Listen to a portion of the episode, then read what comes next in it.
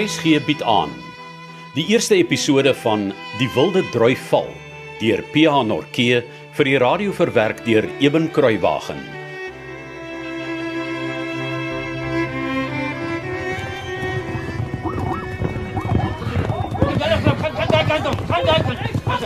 Kiriko! Kiriko! Ja, meneer. Hier, hy berg sebras af die kant toe, maar gou! Ja, meneer. Pa! Pa, hulle gaan daar agter die wille prei by die klein kloofie inswaai. Kyk daar. Vertuimels! Piet, so op! Kyk of jy hulle kan voorkeer voor hulle te ver met die agterste kloof af hardloop. Ja, groot man, ek sal kyk. Hey, ja, eh, eh, jy kom 'n paar die kant toe, pa. Eh, Ek dink hulle het vir Piet laat geskrik, maar hulle kom vinnig. Ons sal nie kan vang nie. Wagtig. Hey, julle pull my arms. Moenie net daar staan en arm swaai soos windspelers nie. Wat deur die sebras af voor die lot van hulle wegkom? Ja, waar gaan hulle? Nou is dit neusie verby. Ons gaan hulle nooit gevang kry nie. Dink pa berg sebras hulle waar kan trek? Kan 'n perd 'n wa trek. Ja, pa, maar Maar wat? Perde is gemaak vir trek en ry en so aan. Uh, wie sê bergsebras is nie nog beter trekdiere as perde nie? Ja, miskien moet ons maar volgende week weer probeer. Dis oor die verf vol van 'n spul vatsige leeglaers is. Pa? Nou almal staan en kyk en swaai arms. Maar is omtrent net ons en Piet Vink en Kirikov wat regtig iets gedoen het. Hoeveel berg sebras wil pa hê? Nou, ek het gedink daarom seker nie minder as uh, 6 nie, Hans. So pa se eintlik net nog een, hè? Het ons dan al 5? Ja, pa. Duimpie stabels daar by die pendorings met hulle. Ek dink so ewe ons het nog net 4. Pa, kyk daar. Hey! Hierdie kop. Piet. Wil jy nou vragtig meer? Hier, julle leiers, bring haar die sebra hier. Hey, hierdie kop. Wat het jy daar die aarde gekry? As 'n dom donkie die. Hoe so? Ja. Toe meneer vir Piet Vink sê hy moet oor die nek gaan om te probeer keer dat die spulletjie te ver met die kloof afhol.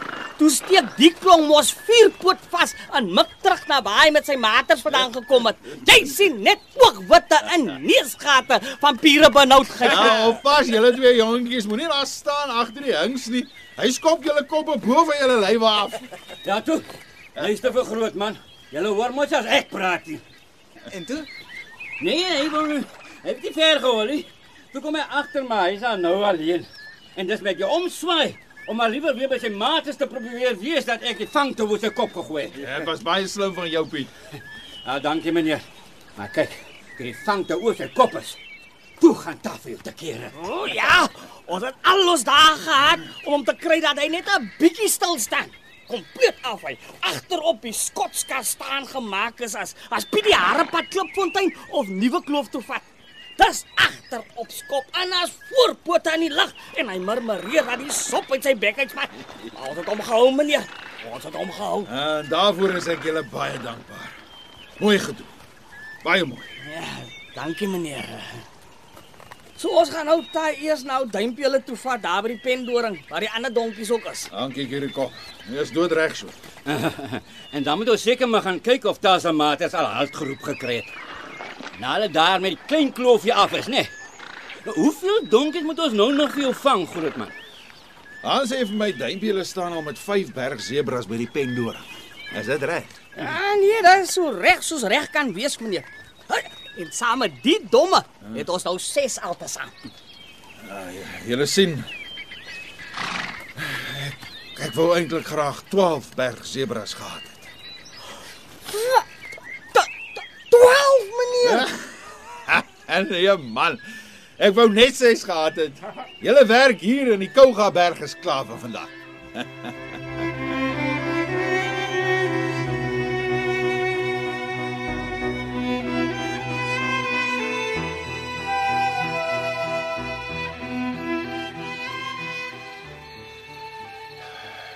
lyk jy so moedeloos, Frans? Kom slaap nou. Ja, Polly. Ek voel so onnosel. Onnosel. Jy vir alle mense. Dis die ellendige bergsebras. Wat van hulle? Haas was reg. Hy het my destyds gevra of 'n bergsebra 'n trekdier gemaak kan word. Wat het jy toe vir die kind gesê? Oh, ek was nog geskort af. Ek hom gevra of 'n perd 'n wa kan trek. En toe kom jy agter 'n perd kan, maar nie 'n bergsebra nie. My vrou, dit was seker die domste plan wat enige iemand in die geskiedenis van die mensdom kon gehad het. Dit was 'n totale mislukking. Want op die hele aarde is daar verseker nie 'n balhoriger, luier trekdier as 'n spekvet uitgevrete bergsebra nie. Maar dit is nie snaaks nie. Ag, ek is jammer, maar ek kan nie help om te lag nie. Weke lank so hard gewerk om hulle mak te kry. Om nie te praat van al die ekstra voer wat dit my gekos het nie. En dit net oor ek vir goedkoop my trekvee wou aanvul. Wys jou net waar synigheid jou kan laat beland. Ag, oh, Frans, my liefste man. Jy het iets probeer wat niemand anders nog ooit probeer het nie. Nou weet jy immers. Persebras kan mak gemaak word, maar hulle wil nie werk nie. Ja, my vrou. Hulle wil vreet, maar hulle wil nie werk nie. Ek ken nog al 'n paar sulke mense ook, jy weet. Vanster Blanche. so wat gaan jy nou met hulle maak? Maar die mense of met die bergsebras, Met die bergsebras natuurlik. ja, die vader alleen weet. Ek sal maar kyk of hulle die pad sal vat as ek hulle in die onderste kamp sit en die hek ooplos. Maar jy gaan nou nie broei oor die storie nie, né? Nee, natuurlik nie. Ek meen, kyk waar staan ons vandag met Hoekplaas. Wie sou kon dink toe jy ons in 1912 na hierdie kom tussen die Winterhoek en die Kougaberge gebring het? Dit sou net 3 jaar later al so welvarende plaas geword het. Dit was so 'n woestynny van bos en klip. Ek het regtig gedink jy het 'n fout gemaak. Is dit so? Ja. Is daar 'n een ding wat ek reg gedoen het? Jy het baie dinge reg gedoen. Soos hierdie huis. Elke baksteen het jy met jou eie hande gevorm en gebak. Elke spyker met groot moeite uit blou draad geknip. Jy het dit met soveel liefde en moeite vir ons gebou. Dis waar.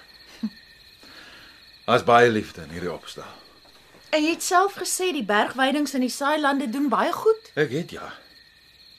Dis nou net die kwaai droogte wat dit vir ons almal in die Baviaanskloof moeilik maak. Maar ons sal daardeur ook kom. Natuurlik sal ons. Ek bekommer my net 'n bietjie. Maar waaroor bekommer jy jou? Die groot oorlog. En nou die volstruisveermark ook nog in mekaar geval. Ek hoor van al hoe meer boere wat maar swaar trek. En soos jy sê, die droogte maak dit net nog erger. Ja, ons het dit al makliker gehad, Polly. Maar ons moet net vas staan in die geloof en weer die Here vergesel ons deur hierdie dal van doodskade weer. En aan die einde daarvan dek hy vir ons sy tafel, soos Dawid sê in Psalm 23. Hy rig die tafel toe voor my aangesig teenoor myne tegenpartyders.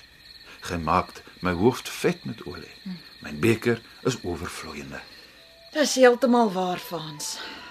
Ons moet net glo en vertrou. Die Here sal voorsien.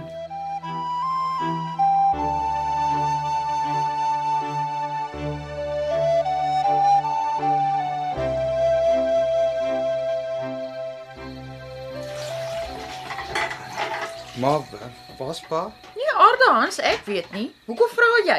En hoekom praat jy so asof jy besig is met duiwelsraad? Dis nie duiwelsraad nie, ma. Nou, hoekom praat jy so? Maar ek wil maar net weet hoekom ek op Kleinpoort moet skool gaan. Dis nou amper Desember vakansie, so So? daar's seker nog tyd om dit te verander. Hans, sê eers dadelik vir my hoekom jy so fluister. Ek wil nie pa moet hoor nie, ma. Ek weet nie waar jou pa is nie. Wa- Wat wil jy verander? Skole, ma. Is dit nou net om my weer by meneer Schreder te kry? Natuurlik nie. En met wie dink jy praat jy mannetjie?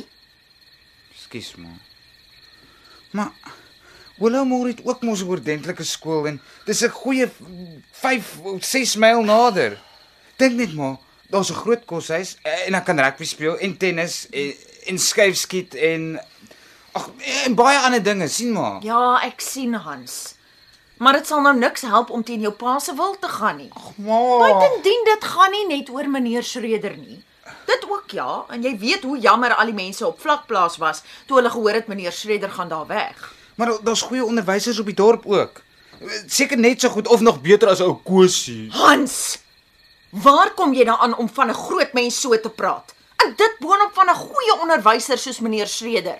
Ah nee, ah. Jy weet dis nie hoe ons julle groot gemaak het nie. Jy stel my teleur, weet jy dit? Ek jammer maar. Regtig. Ek spaai jammer. Als reg. Maar ek wil nie weer hoor jy praat so van enige groot mens of 'n onderwyser nie. Verstaan jy my? Jammer. En veral nie van meneer Schreder nie.